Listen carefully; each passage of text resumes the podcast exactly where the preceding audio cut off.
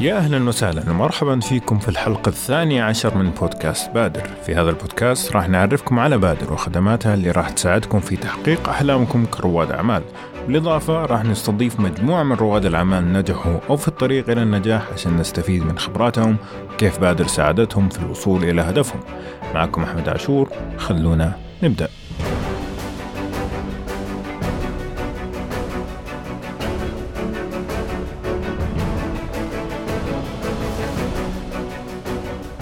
طيب كالعادة قبل ما نبدأ خليني أعرف بالضيف المميز اللي معاي اليوم. معاي عبد العزيز السعيد يا أهلا وسهلا مرحبا فيك. كيف حالك؟ طيب؟ يا هلا وسهلا أحمد. في البداية أحب أشكرك على هذه الاستضافة اللطيفة. آه، بإذن الله أنها تكون آه، حلقة مميزة. آه، ولا عندي شك في ذلك لأن انت احد المحاورين الرائعين الله يعطيك العافية. شكرا. والله احرجتني صراحة لا أنا متشوق جدا للحلقة هذه لأننا نبغى نتكلم عن بناء الفريق.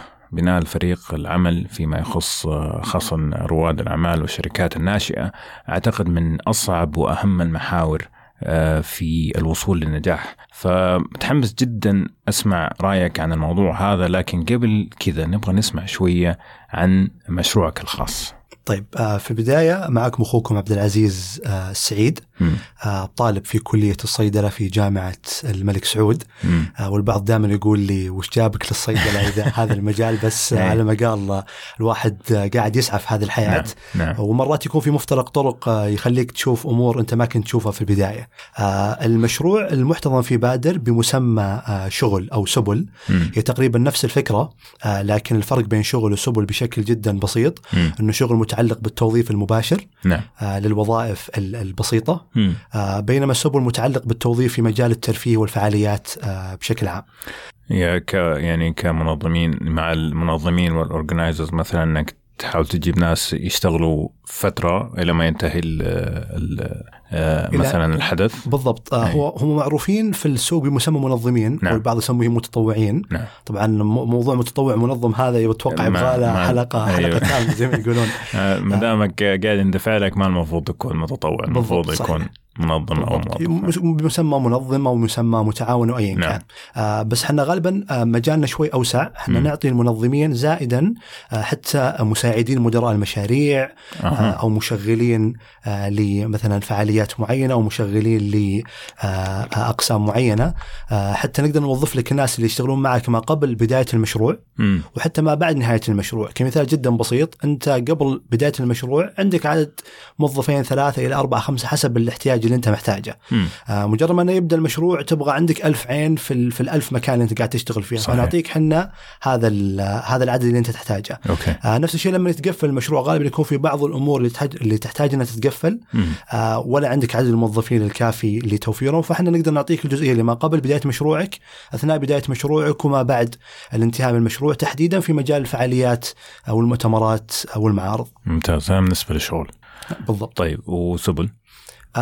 سبل آه عفوا اللي قبلها هذه بالنسبة لسبل. اي هذا سبل. okay. بالضبط. بالنسبة للشغل آه هو لا آه متشعب أكثر. آه نعطيك الأشخاص اللي يشتغلون في المهام البسيطة آه في الشركات الناشئة.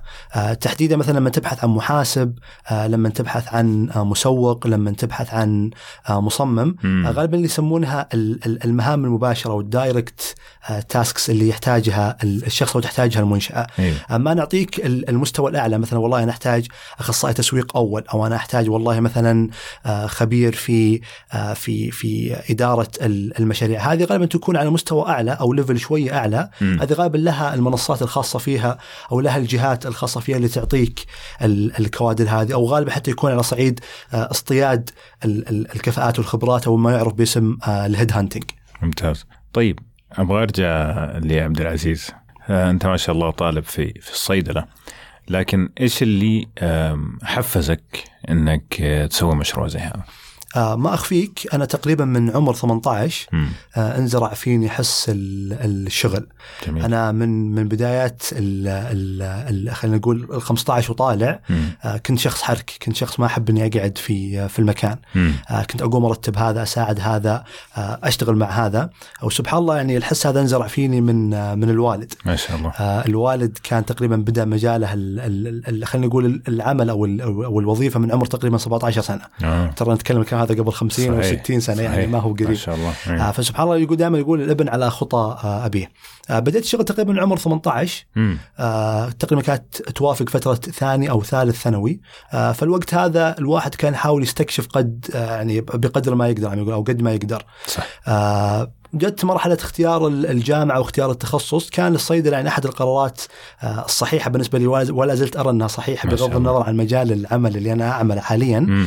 آه لكن أنه كان هو أقرب مجال من الأشياء اللي كانت تلامسني آه وقتها. آه اللي حفزني للشغل الصراحة واحدة من أهم العوامل أنه كنت أبغى أكسب علاقات إضافية. أي. آه أنا بطبيعتي شخص اجتماعي أحب اني أتعامل مع الناس وأتعرف على ناس أكثر فكنت أعرف أنه لما نحتك في هذا المجال أو في هذا أو في هذه الدائرة راح تفتح علي دوائر أكبر وتفتح علي آه علاقات أكثر أنا هي كله عن تطوير النفس واكتساب خبرات جديدة غالبا الواحد لما يتخرج أول عذر آه يحطه أو أو, أو خلينا نقول أول شماعة يحطها في عدم الحصول على الوظيفة إنه والله أنا ما عندي خبرة صح. أو ما أعرف سوق العمل أو ايا كان ما يمنع أنك تبدأ تشتغل حتى لو كانت في شغلات جدا بسيطة شغلات ما لها علاقة ابدا في تخصصك أو في ميولك أو في رغباتك بالاخير سبحان الله تكون مجموعة خبرات ومجموعه آه، تجارب سابقة تفتح عليك آه، أمور أكبر وتوسع مداركك لأمور أكثر آه، بكثير. ما شاء الله. طيب عندي سؤال شخصي كذا أبغى أسألك فيه. وهذا ممكن صراحة إن الجواب عليه ممكن يساعد كثير من المستمعين اللي قاعدين يستمعونا. كيف قاعد توفق بين الجامعة والسبل؟ ما أخفيك السؤال هذا دائما أنسأله. نعم.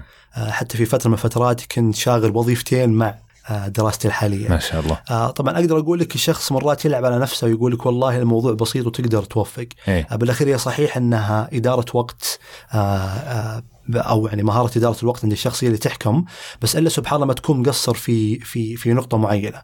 أنا دائما أعتبرها مثل المثلث.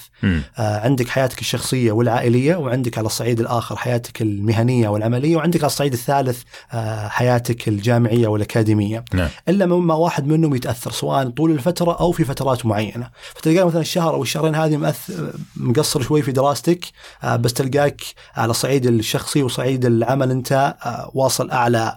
آه درجات الأداء تجيك نعم. الشهرين اللي بعدها تلقاك مقصر في, في الأداء الوظيفي بس علاقاتك العائلية وحياتك الشخصية والدراسة ماشي فيها آه بالأخير الموضوع صعب ما أخفيك بس سبحان الله أنا عندي قناعة آه إنه كثرة الضغط هي اللي تولد النجاح آه، في الشخص.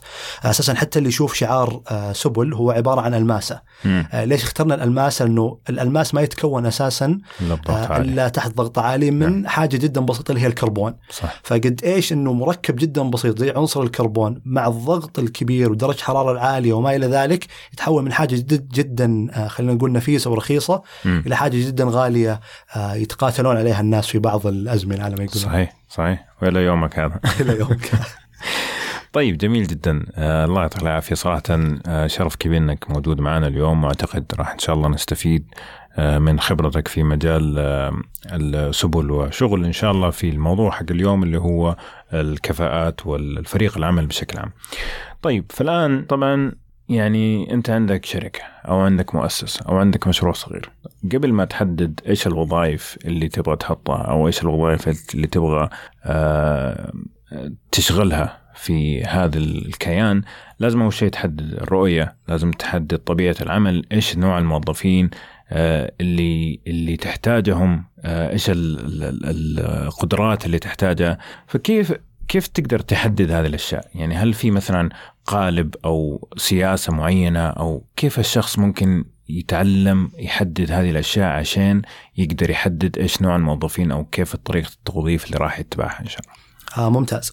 آه فيما يخص الرؤية آه دائما أقول آه غلط أو شبه غلط إنه الشخص يربط رؤية الشركة أو رؤية المؤسسة أو خلينا نقول رؤية المنشأة بشكل عام آه، بطبيعة الوظائف أو الشاغل الوظيفي اللي هو بيطرحها. آه، غالبا رؤية المنشأة أو رسالتها آه، هي نظرة بعيدة جدا للمستقبل. الموظفين هم صحيح أحد العوامل المؤثرة في الرؤية هذه بس لا زال إنه ما أحب أربطها بالرؤية، إن الرؤية قد تكون هي خطة مؤسس أو خطة شركاء لهم نظرة بعيدة في السوق بعد خمس سنوات أو بعد عشر سنوات. نعم. فغالبا أنا ما أحب أربط رؤية المنشأة بطبيعة الشاغل الوظيفي وطبيعة الموظفين آه، لكن فيما يخص طبيعة العمل آه، فعلا أتفق معك إن هي أحد العوامل الرئيسية اللي لازم آه، صاحب المنشأة أو اللي عنده شواغل وظيفية معينة يكون مركز عليها يعني فيها أكثر من من عامل أو أكثر من من مؤثر نعم. زي ما يقولون مثلا في البداية لازم أحدد هل هي راح تكون آه، وظيفة بدوام كامل؟ آه، هل هي راح تكون وظيفة بدوام جزئي؟ آه، هل راح تكون وظيفة عن بعد فقط ما راح حتى إني أقابل الشخص هذا إلا في فترات جدا مم. جدا متقطعة؟ هل هي مؤقتة ولا دائمة؟ هل هي مؤقتة ولا دائمة صحيح؟ نعم. بيئة العمل هل هي والله من طبيعة بيئة العمل اللي هو مساحات عمل مشتركة مفتوحة مم. ولا لا؟ طبيعة عمل مكاتب مغلق وكل شخص له مكتبة؟ مم. كل هذه عوامل تأثر في اختيار الوظيفة أو حتى تحديد الوظيفة ايا كان نوع الشاغل الوظيفي هذا. آه طبيعة الموظف برضو تختلف آه من من من شركة لشركة أو من شاغر إلى شاغر. آه هل هو متخصص في هذا المجال أم هو خبير آه في هذا المجال؟ آه هل أنا راح أعرض عليه الوظيفة هذه آه لأن لا خبرة كبيرة في هذا المجال ولا إنه هو تخصص في هذا المجال وركز آه، كامل قدراته على هذا المجال. آه، الجنس مرات يفرق في في في بعض الوظائف، بعض نعم. الوظائف يتميزون فيها الإناث عن الذكور أو العكس. نعم. بعض الوظائف يتميزون فيها الذكور عن الإناث. هوايات الشخص، اهتماماته، كل هذه عوامل تأثر في اختيار الشخص هذا أو اختيار أفضل المرشحين للشواغل اللي أنا ممكن أطرحها في المنشاه. جميل. فيعني ممكن تقول إنه قبل ما تحدث الوظائف لازم تمشي على العوامل هذه كاملة اللي سواء طبيعة العمل وطبيعة الموظفين وحتى تسردها ممكن كجدول عشان آه، السوق كبير. صحيح. سوق الموظفين كبير وممكن لو تحط إعلان في في أي مكان إنه في وظائف شاغرة ممكن يجيك بكرة ألف واحد صحيح. ممكن ما يجيك ولا واحد صحيح. آه ففعلا لازم زي ما يقولوا إيش أنت فعلا تحتاج في الموظف وكيف طريقة العمل اللي راح تنتجها عشان الناس يبدأوا آه وتبدا أنت تختار الموظفين نفسهم. طيب في يقول لك فريق المثالي. صحيح. هل أول شيء تؤمن بالفريق المثالي؟ آه أنا دائما ما أحب اسميه الفريق المثالي بقدر ما أني أسميه الفريق الفعال. نعم. آه المثالية دائما الشخص آه دائما يبحث عنها ولا ولا لها عوامل محددة تقدر هي اللي تفصل أو هي الفيصل ما بين إن هل هذا فريق مثالي أو فريق غير مثالي. م. البعض يربطها بعوامل الانتاجيه أو آه، آه، معايير قياس الأداء. م. آه، لكن لازم ممكن يكون عندي قياس الأداء محقق بس فريقي ما هو مثالي. صحيح. زي ما يقولون فريقي يمشي شغل بس بس فريقي ما هو قاعد يحقق لي المثالية. فأقدر زي ما قلت أقدر أسميه هو الفريق الفعال. م. هل فريقي أنا متجانس؟ هل فريقي قاعد يحقق يحقق لي آه، المهام آه، والنقاط اللي أبغاها. آه، هل فريقي قاعد يساعدني في تطوير شركتي ولا فريقي قاعد فقط يستهلك مني وقتي وجهدي ومصادري في في في هذه الشركة؟ طيب خلينا نسميه الفريق الفعال. إيش الخطوات اللي ممكن أنا كشخص إني أتخذها عشان أختار الأعضاء الفريق الفعال؟ طبعا هذه غالبا تكون أكثر تخصصية آه، عند الشباب اللي متخصصين في الموارد البشرية. آه، بس غالبا في مجال البزنس والشركات الناشئه الواحد يكون خاض تجارب كثيرة لدرجة أنه تعلم وبين زي ما يقولون بكل طقة تعليمه. نعم. فغالبا في بعض العوامل اللي لما الشخص يستحضرها قبل ما أنه يحدد الوظيفة أو الشغل الوظيفي هذه أو هذا راح تكون جدا مساعدة له في اختيار أفضل للأشخاص. نبدأها بأنك تحدد الشاغل الوظيفي اللي أنت آه، تبغاه. آه، لما تقول أبغى موظف مو مثل لما تقول أبغى موظف آه، ذكر. مو مثل لما تقول أبغى موظف ذكر تخصصه تسويق. مو مثل لما نعم. تقول أبغى موظف ذكر تخصصه تسويق وعنده خبرة في التصميم. نعم. فلما تحدد شاغلك الوظيفي اللي أنت تبغاه راح يساعدك ويقود تفكيرك لاختيار أفضل المرشحين لهذا الشاغر بعدها تخطط لمتطلبات الوظيفة. أنا عرفت الشاغل الوظيفي أو حددته أحتاج إني أخطط لمتطلبات هذه الوظيفة عشان الشخص لما يجي يتوظف عندي عندي يكون عارف هو إيش له وإيش عليه أو إيش هو مقبل عليه في هذه الوظيفة. آه بعدها تخطط لآلية التوظيف. آه مرات تكون أنت حددت الشاغر وخططت لمتطلبات الوظيفة بس عندك آلية التوظيف سيئة أو أو ما هي بكاملة. مم. فلما الشخص يبدأ يخوض معك آلية التوظيف هذه هو بنفسه ما يكمل معك نعم. ال- المجال وما يكمل معك الطريقة. يقول لك انه إذا هذه البداية كيف الجاي في أيوه. في في الشركة؟ تكون أمور كثير ما هي واضحة. مثلا بالنسبة له آه، طريقة الوصول للشخص هذه ما كانت غير مناسبة. فلما نخطط لآلية التوظيف هذه راح تغير نظرة الموظف المتقدم لك بشكل جدا كبير للجانب الإيجابي. آه، طبعا. آه، بعد ما تحدد الثلاث نقاط الرئيسية هذه تبدأ تنشر. عن الوظيفة هذه. وأتوقع أن النشر الآن في الزمن الحالي اسهل. شيء إنك تنشر وظيفة. فعلا. عندنا منصات وسائل التواصل الاجتماعي عندنا الطرق القديمة والطرق الحديثة. فهذه يعني لها مجالها ال- ال- الكبير والواسع وأسهل شيء دائما أبدا أقول أنك تنشر وظيفة معينة. السوق محتاج والسوق كبير وال- والموظفين أو الكفاءات آه، أعدادهم جدا كبيرة. نعم. آه، سواء اللي لا زال عاطل أو اللي لا زال على رأس العمل أو اللي يبحث عن وظيفة آه، أفضل أو أو آه، أو فرصة أفضل. آه، بعد ما تحدد النقاط هذه كلها وتنشر الوظيفه راح بطبيعة الحال يتقدمون لك المتقدمين هذولي آه، تبدأ مرحلة الف- الفرز ومراجعة المتقدمين وما إلى ذلك إلى أن تصل مثلا من أساس خلينا نقول مثلا 2000 متقدم تفرزهم إلى عدد آه، أبسط وأصغر قد يصل إلى مثلا 20 30 40 متقدم حسب قدرتك الاستيعابيه في آه، مرحلة الفرز الثانية خلينا نقولها. آه، بعد تبدأ تحاول تختار الأفضل حسب احتياجك أو حسب رغبتك أو حسب الأشياء اللي أنت تبحثها آه، في هذا الشخص. مم. آه، لأنه بالأخير هي مرحلة آه، مفاضلة بين المتقدمين ال- ال- النهائيين خلينا نسميهم. نعم. آه، بعد تبدأ تراجع أو خلينا نقول تشيك على خلفياتهم. وهذه لها أكثر من طريقة. البعض يفضل المقابلات الشخصية البعض يفضل إنه يتأكد عن طريق مثلا نموذج معين أو اختبار معين وايا كان. بالأخير أنت لازم تعرف خلفية الشخص هذا وإيش ال- المهارات اللي عنده وإيش الخبرات اللي عنده. وغالبية الناس يفضلون المقابلة الشخصية يقول على أساس أشوف لغة الجسد حقت الشخص هذا آه، طريقة آه، كلامه مظهره أسلوبه وما إلى ذلك. جميل. آه، بالأخير راح تبدأ ترسل ال- العروض لل خلينا نقول المرشحين النهائيين. مثلا أنت قابلت خمسة ستة قررت إنك توظف اثنين أو ثلاثة منهم راح ترسل العروض آه، وفي نفس الوقت راح ترسل إشعار للناس اللي أنت ما رفضت أو اللي أنت قبلتهم أو اللي راح ترفضهم. بطبيعه يعني ما راح تعلق صح المتقدم هذا هو يعرف هل هو أنقبل ولا ما هو أنقبل. صحيح. فأبسط حق من حقوقه تقول والله مثلا أنت شكرا لك على حضورك والتزامك آه، قد يكون لك فرص أفضل إن شاء الله في آه، مناصب أخرى أو شاغر وظيفي آخر أو في مكان آخر يكون أنسب لك من الشواغر الوظيفية اللي إحنا طارحينها والوظيفة اللي إحنا طارحينها.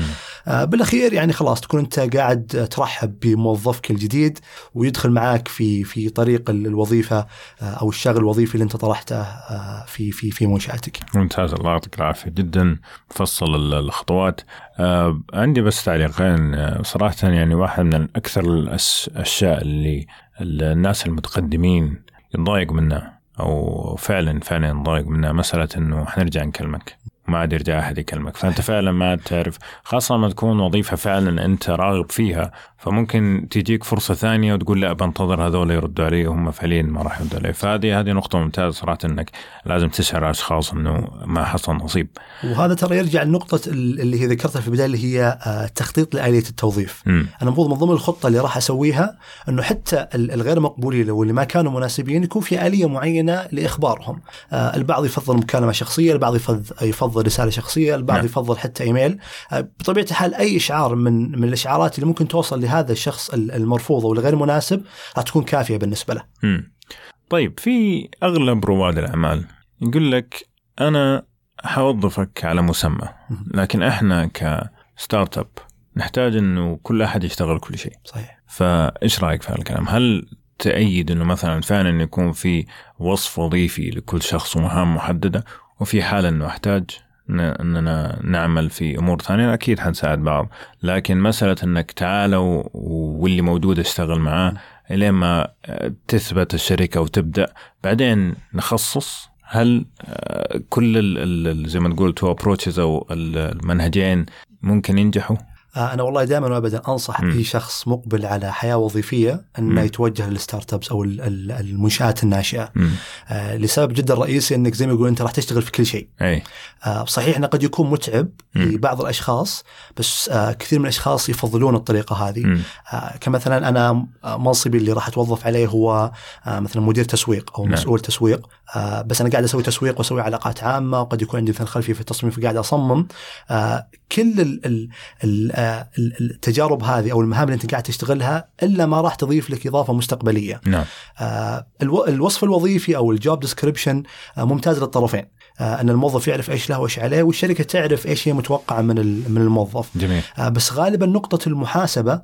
آه، في الشركات الناشئة تكون شوية أقل شدة مم. من الشركات الكبيرة واللي تكون ويل استابلشد أو اللي هي آه، لها آه، سلمها الوظيفي وهيكلتها الوظيفية. نعم. آه، لأنه بالأخير الموظف عشان آخر الشهر لو كان بيتحاسب على خطأ معين أو تقصير معين يعني نقدر نحاسبه على الوصف الوظيفي اللي جاء. نعم. إذا مثلا متوقع منه آه، شغله معينة ما أنجز لي إياها أقدر أقول له أنت كانت المفروض إنك تسويها وبناء على النقاط هذه أنت ما أنجزتها. آه، ويكون حتى برضو عامل إيجابي لأن لو اشتغلت شغل أكثر من اللي مطلوب مني غير إنه راح يفيدني أنا شخصيا. ويزيد من خبراتي و... آه، و- واحتكاكي بال... بأكبر مجال ممكن من ال- من العمل آه، قد يكون هو عامل محفز لك من الشركة نفسها. إنه يلاحظون إنك أنت تميزت في جانب آخر أو في مهام أخرى أنت ما كانت مطلوبة منك آه، فممكن تحصل على ترقية ممكن تحصل على حوافز معينة صحيح. وحتى ممكن إنه الناس في الشركات الأخرى يلاحظونك فزي ما يقولون يلقطونك آه، لقط آه،. ما يفوتون للشخص اللي آه، عنده خبرة وعنده مهارات في أكثر من من من مجال. مم. فممكن يعتمد على الشخص نفسه يعني مثلا إذا كان عنده خبرة في مجال معين ويبغى يحاول أنه يثريها قد يكون مسألة أنه العمل في أي حاجة بالنسبة لي ما توصل الهدف اللي هو يبغى يوصله في, في الوظيفة الجديدة بينما شخص جديد على السوق أو خبرته ما زالت بسيطة ممكن يستفيد كثير بأنه يشتغل أكثر من شغلة في المكان صحيح. جميل طيب كيف أقدر أحدد الهدف أو الحاجة من فريق فريق العمل من فريق العمل آه، ما أخفيك أنه هذه واحدة من من من أصعب ال- النقاط اللي تواجه الشخص اللي عنده آه، شاغل وظيفي. آه، بس في بعض العوامل دائما بحب أحطها في البال بمجرد ما يكون في شاغل وظيفي أحس إني آه، لازم أطرحه بالفترة القريبة. آه، اللي هو مثلا آه، هل الشغلة هذه تتطلب إني أسويها شخصين؟ آه، بمعنى آخر إذا عندي شخص قاعد يسوي لي الشغلة هذه أو الشغل الوظيفي هذا حاليا آه، في شخص واحد فقط شاغرة، هل ضغط العمل على الشخص هذا يحتاج اني اوظف شخص آخر معاه؟ آه، أو لا؟ بغض النظر عن مستوى ال- الوظيفة وبغض النظر عن هل هو مثلا يكون مساعد له أو في نفس المنصب. بس إذا الشغلة كانت تتطلب فعلا أكثر من شخص يمسكها وحاليا موجود شخص واحد أنا فعلا يعطيني عامل أو مؤشر إنه تحتاج توظف شخص آخر في هذا المكان أو في هذا الشاغل. آه، الشخص الثاني أو ال- النقطة الثانية آه، إذا كان الشخص هذا قاعد يسوي عندي شغلتين آه، أنا قاعد مثلا أخليه يمسك الأمور المحاسبية بنفس الوقت مخليه ماسك علاقات ال- العملاء. البعض يقول أفضل لي أنا كشركة من باب تقليل التكاليف ومن باب تقليل عدد الموظفين فتكون إدارتهم أسهل، بس مرات الموظف يوصل لمرحله إنه يكون مقصر في الطرفين، لا هو اللي يركز على الصعيد الأول هو مثلا صعيد المحاسبه ولا هو اللي يركز على صعيد علاقات العملاء، فأنت هنا تضطر إنك لا يا انك تعطي الشخص المنصب الأول أو المنصب الثاني والمنصب اللي راح يتركه واللي راح يرفضه تجيب له الشخص البديل اللي يشغله. آه، بداله ويصير هم يكملون آه، بعض في في ال- في النقطة هذه. ممتاز. النقطة الثالثة إذا كنت بدأت تحس أن في تقصير آه، في جزئية معينة أو في قسم آه، معين عندك هذا برضو يعطيك عامل أن لا أنا أحتاج أزيد شخص هنا أو أحتاج أني أزيد آه، خبرة في في في في هذا القسم. آه، غالبا هذه يحددها آه، آه، أصحاب القرار في الشركة مو بشرط انه يكون المسؤولين التوظيف أو مسؤولين العلاقات العامة ومسؤولين الموارد البشرية هم اللي يلاحظونه بقدر ما أنه قد صاحب المنشأة هذه أو أصحاب القرار في المنشأة يلاحظ أنه في تقصير معين صار. في في جزئية معينة في العمل ولا زالت مستمرة فهذا يعطيهم عامل مؤشر أنه لا نحتاج نزيد آه، شخص وحتى ممكن نحتاج نضيف حل إضافي يقلل من هذا ال- التقصير. جميل آه، اخرها والعامل ال- اللي هو الفيصل دائما وابدا إذا كنت تبغى تبغى تتوسع آه، بطبيعة الحال ما راح تقدر تتوسع إذا كان عدد الفريق العمل اللي عندك هو نفس ال- العدد هذا. يمكن في البداية يكون الموضوع آه، قابل لل- للإدارة بس مجرد ما إنك تبدأ مثلا تفتح فرعك الجديد آه، في نفس المدينة أو في مدينة أخرى أو في دولة أخرى إلا ما راح تحتاج إنك تزيد العدد مرات يكون إلى الدبل أو حل أو حتى آه، إلى ضعفين أو ثلاث أضعاف. هذه بعض العوامل أو بعض المؤشرات اللي تخلي الشخص يقدر يقرر أو يحدد الهدف من طرح وظيفة معينة أو شاغل وظيفي معين. جميل. واحدة من النقاط اللي قلتها اللي هي لها علاقة بالخبرة. آه، فهل الخبرة شيء أساسي في اختيار الفريق العمل؟ أو آه، المهارات الاستثنائية أهم؟ طبعا آه، إحنا الحين قاعدين نتكلم بالذات عن الشركات الناشئة. آه معظم الشركات الناشئة آه تفشل خلينا أقدر أقول لك في اختيار المرشح الصحيح. أو الشخص الصحيح آه لأنه آه زي ما يقولون over qualified أيوه أو هو مؤهلاته أعلى من متطلبات. الشركة أو المكان. نعم. آه أنا أقدر مثلا أجيب شخص عنده خبرة سنة في في مجال معين مم. ويقدر يعطيني الأداء المناسب اللي أنا أحتاجه آه بعكس الشخص اللي عنده خبرة عشر سنوات في هذا المجال. آه يحس انه ما هو هذا المكان الصحيح اللي هو المفروض انه يشتغل فيه آه يحس انه كأني مثلا أنا قصرت في في مسيرتي الوظيفية أنا كنت شغال مثلا عشر سنوات في هذا المجال فالمفروض إني أروح آه آه منصب أعلى بمهام أعلى ومسؤوليات أعلى وصلاحيات أعلى بينما ينصدم لما يروح ل startup موضوع عندهم زي ما يقولون خبصة في. أمور كثيرة ما هي مترتبة وهو متعود على أن لا structure معينة وآلية معينة نمشي عليها خطوات معينة وآلية معينة للعمل حتى ضغط العمل ممكن يكون أقل من صح. ما هو متوقع لأنه في إحصائية أو دراسة مؤخرا نزلت من كم سنة تقريبا؟ إنه في نوعين من ضغط العمل، في ضغط العمل من كثر الشغل وفي ضغط العمل من قلة الشغل، كل الاثنين يسببوا زي ما تقول آه، اكتئاب للموظف إذا حس إنه هو فعليا مو قاعد يعطي كفاية في العمل. فقد تكون هذه واحد من ال- الأسباب إذا كان over over qualified صحيح. فأنا دائما ابدا أقولها آه العامله صراحة كلها مؤثرة. وكلها مهمة اللي هي عامل الخبرة وعامل ال- المهارات ال- الأساسية أو اللي تعرف باسم ال soft skills. آه لكن دائما أقول احرص إنك تجيب شخص آه عنده الشغف وعنده الرغبة بالتعلم وعنده المهارات الأساسية وأنت خليه يكسب الخبرة معك آه بعكس ما إنك تجيب شخص خبير آه قد يأثر على آه ال- الشركة عندك بشكل بشكل عام. آه إذا والله كان القسم عندك فيه أعداد موظفين كبيرة فعلا هنا عامل الخبرة راح يفرق معك لأنه لما أجيب شخص خبير في القسم هذا أو في آه، آه، في الجزئية هذه راح يفيد الموظفين الآخرين بانه يشاركهم الخبرة فبالتالي تكون عملية آه، تبادلية على ما يقولون الشخص الخبير يتبادل خبراته مع الأشخاص الاقل خبرة. والأشخاص الاقل خبرة هم اللي لهم القدرة وعندهم الرغبة إنه يشتغل تحت الضغط العالي أو أي. في شغلة قد تكون ما هي في مجاله بش- بشكل مباشر. فتشوف مثلا إنه التفاوت في مستوى الخبرات جدا مفيد لل- لل- للعمل؟ جدا أتفق مم. مع آه، مع الشيء هذا. بيساعد المنشأة من جميع النواحي. أيوه. بس ما ما تعتقد إنه ممكن مثلا اطراف يعتمدوا على الأشخاص الأكثر خبرة أكثر فيصير في عدم توازن في الإنتاجية؟ آه هذه تعتمد الأمانة على طبيعة العمل. في في الشركة، آه إذا طبيعة العمل قاعدة تتطلب إنه ما يؤخذ أي قرار إلا عن طريق الشخص الخبير هذا فعلا راح. يكون الاعتمادية بشكل جدا كبير عليه، نفرض فرضا لو الشخص هذا أخذ إجازة آه كان مسافر ما كان يقدر ال- الموظف هذا يوصل له،. الشغل راح يتعطل. إنه هو صاحب القرار ليش؟ لأنه هو الخبير. صح آه، بينما تكون طبيعة الشغل أو طبيعة العمل في هذه المنشأة لا آه، بشكل دائري إنه أنا ما أحتاج إني أرجع لرأس الهرم عشان آخذ القرار أو آخذ ال- الخطوة هذه أو إني أنجز الشغلة الفلانية. بالعكس آه، هذا راح يكون عامل آه، جدا مؤثر هم يستفيدون منه وهو يستفيد آه، منهم. جميل طيب كيف تقدر تصمم خطوات العمل وتحط معايير الأداء للموظفين؟ آه والله معايير الأداء أنا دائما هذا أشوف انه سلاح ذو حدين. آه ال- الموظف ممكن يأخذها كعامل إيجابي له تطوير نفسه عشان يطور نفسه بالضبط اي أو ممكن إنه يكون عامل سلبي لا ويأخذها آه إنه آه تهجم. آه تهجم أو ايا كان. مم. آه معايير الأداء للأمانة للشركات الناشئة صعب إنك تخلقها من البداية. مم. آه بالذات في أول سنة أو, أو أول سنتين لك في السوق، انك أنت أساسا داخل السوق وفي أمور كثيرة أهم آه ما أنت عارفها أو ما أنت آه على دراية فيها آه زي ما يقولون.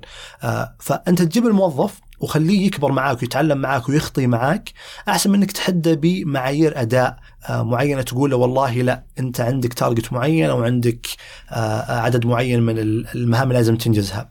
آه، لكن برضو ما يمنع إنك توضح له بعض النقاط الأساسية أو خلينا نقول ال- ال- الخطوط العريضة اللي فوق إنك أنت في المنصب هذا على الأقل نتوقع منك صح ال- المخرج هذا والمخرجات هذه بحيث إنه يكون على بينة كافية إنه مهما أنا قصرت في شغلي لا قدر الله ومهما أديت أداء إيجابي أو أكثر من أو أكثر من المطلوب مني آه لا زال ما عندي آه قيود معايير الأداء اللي أنا بناء عليها آخر الشهر أو آخر ربع السنة أو آخر نصف السنة أو حتى في نهاية السنة راح أتقيم عليها وراح يحدد مصيري من من ترقية أو من عدم ترقية من مم. علاوات أو ايا أو ايا كان. نعم طيب الحوافز كيف تأثر على أداء الموظفين؟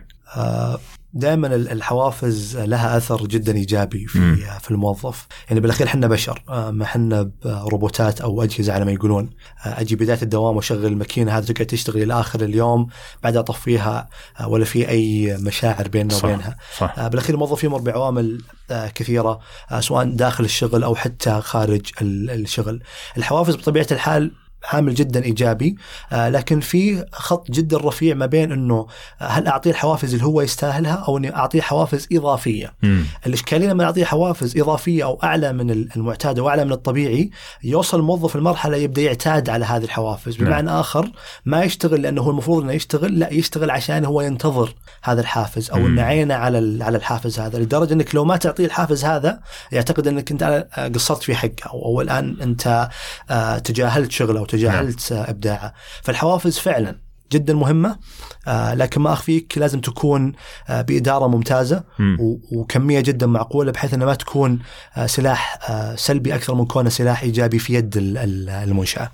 نعم وفي يعني طرق مختلفة للحوافز. آه، أحد الحلقات عندنا هنا في بودكاست بادر كان آه، معنا ال CEO حق ولاء plus.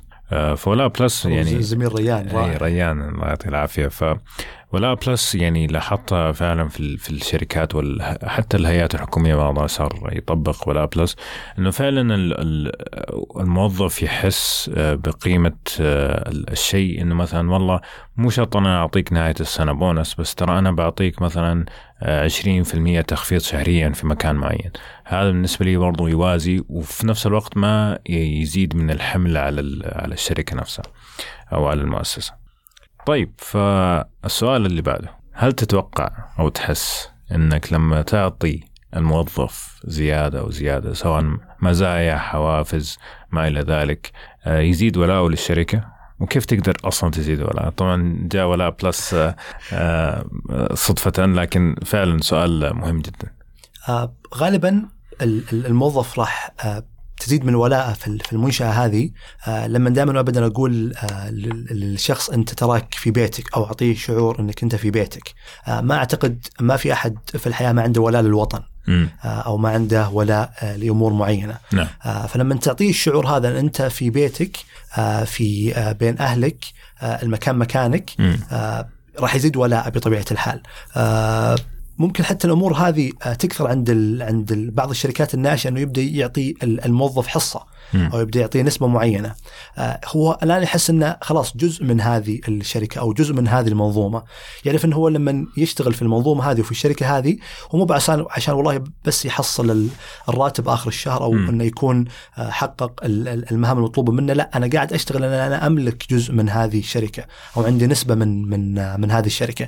هذا لا يعني والله إني أوزع كل الحصص على كل الموظفين لكن نعم. هذه أحد العوامل اللي تزيد من ولاء الشخص. دائما حسس موظفك انك انت في بيتك. مم. انت لك اثر انت تراك صاحب آه قرار.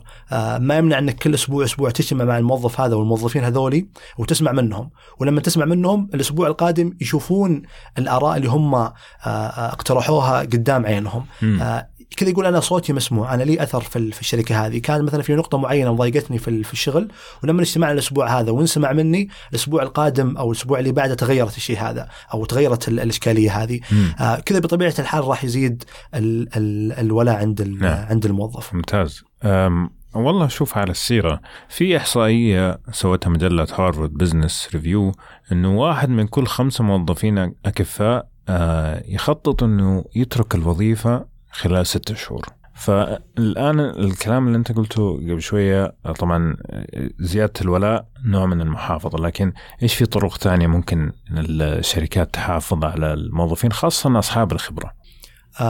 غالبا الأشخاص اللي يطلعون من من من مكان إلى مكان آخر أو من منصب إلى منصب آخر آه ما أخفيك إنه أحد أهم العوامل الرئيسية اللي تخليه يقرر آه، خروجه من عدمه هو العامل المادي. نعم. آه، طبعا ليس هو على رأس الهرم زي ما يقولون بس غالبا المحفز المادي يكون عامل مؤثر ليش؟ بطبيعة الحال الشخص كل ما كبر بالعمر كل ما زادت التزاماته آه، كل ما حس إنه العامل المادي عامل فارق بالنسبة له. صحيح.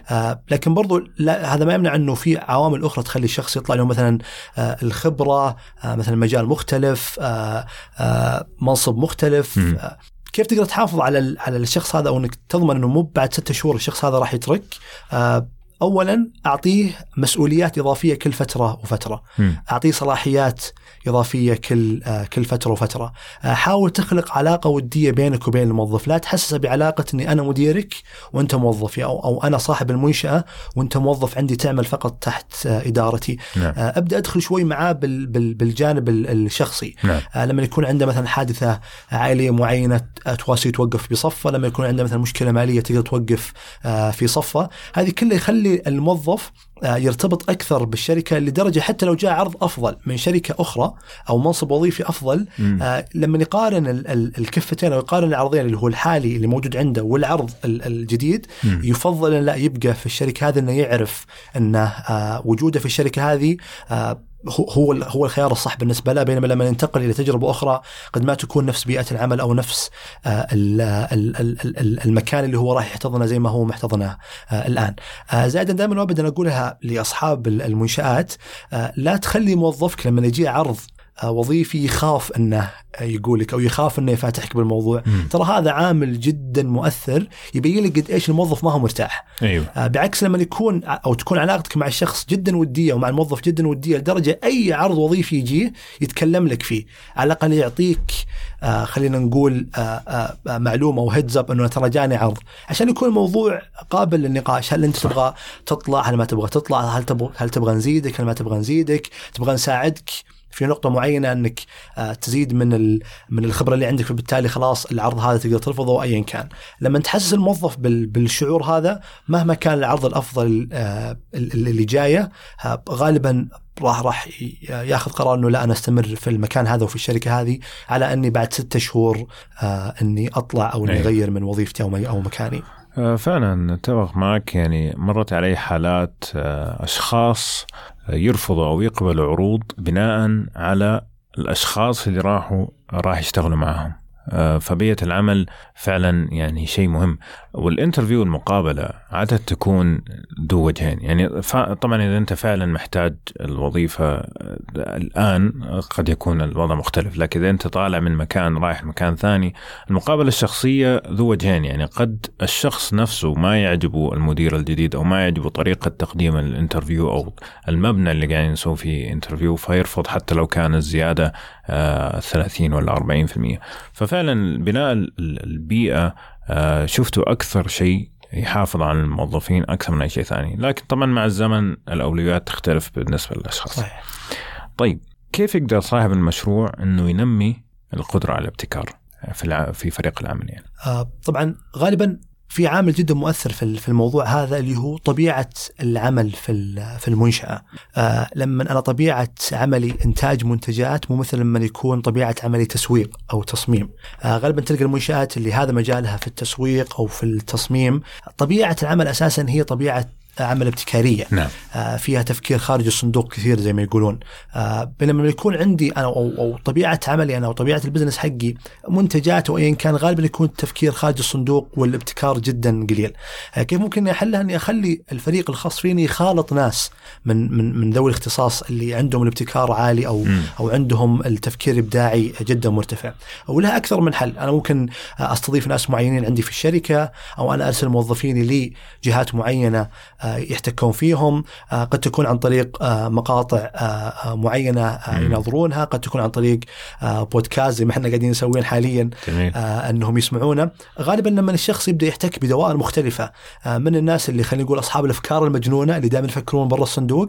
آه، يبدأ يفتح مدارك آه، المدارك عندهم إن أنا ليش قاعد أفكر بس بالطريقة هذه وأنا عندي ال- الطريقة الفلانية أو ليش قاعد أفكر بس بال- بالمسار هذا بينما عندي مسار آخر أقدر آه، أفكر فيه. دائما ابدا الاحتكاك من مع ذوي الخبرة وذوي ال- الاختصاص هو اللي يوسع مدارك الشخص فبالتالي يزيد عنده بشكل جدا آه، ملاحظ نقطة ال- الابتكار.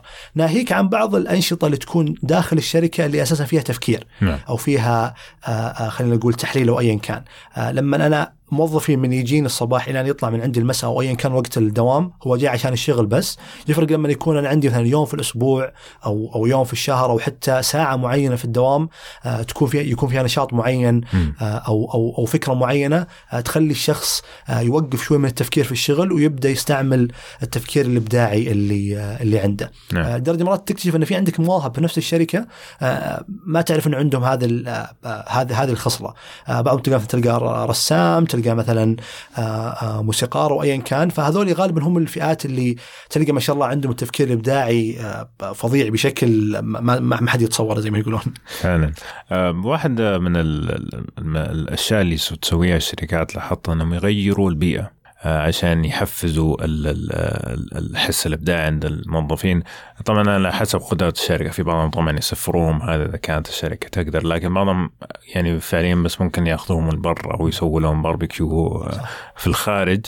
على أساس إنه يسووا break أو يكسر الروتين حق ال- ال- العمل العادي وفي نفس الوقت ينشط ال- ال- القدرة الإبداعية عند الموظفين. ففعلا أتفق معك يعني في أكثر من أسلوب آه، لكن آه، زي ما تقول المخالطة خا- خاصة لما يكون فيها نوع من حس التنافس آه، تزيد جدا من آه، من إبداع الموظف يعني. طيب عبد العزيز آه، صراحة أنا ما شبعت منك ودي أجلس معاك آه، على أمور التوظيف لأنه صراحة كلام جدا جميل لكن أبطلب منك إذا ممكن تقول كلمة للأشخاص اللي رواد أعمال أو ناويين يدخلوا ريادة الأعمال.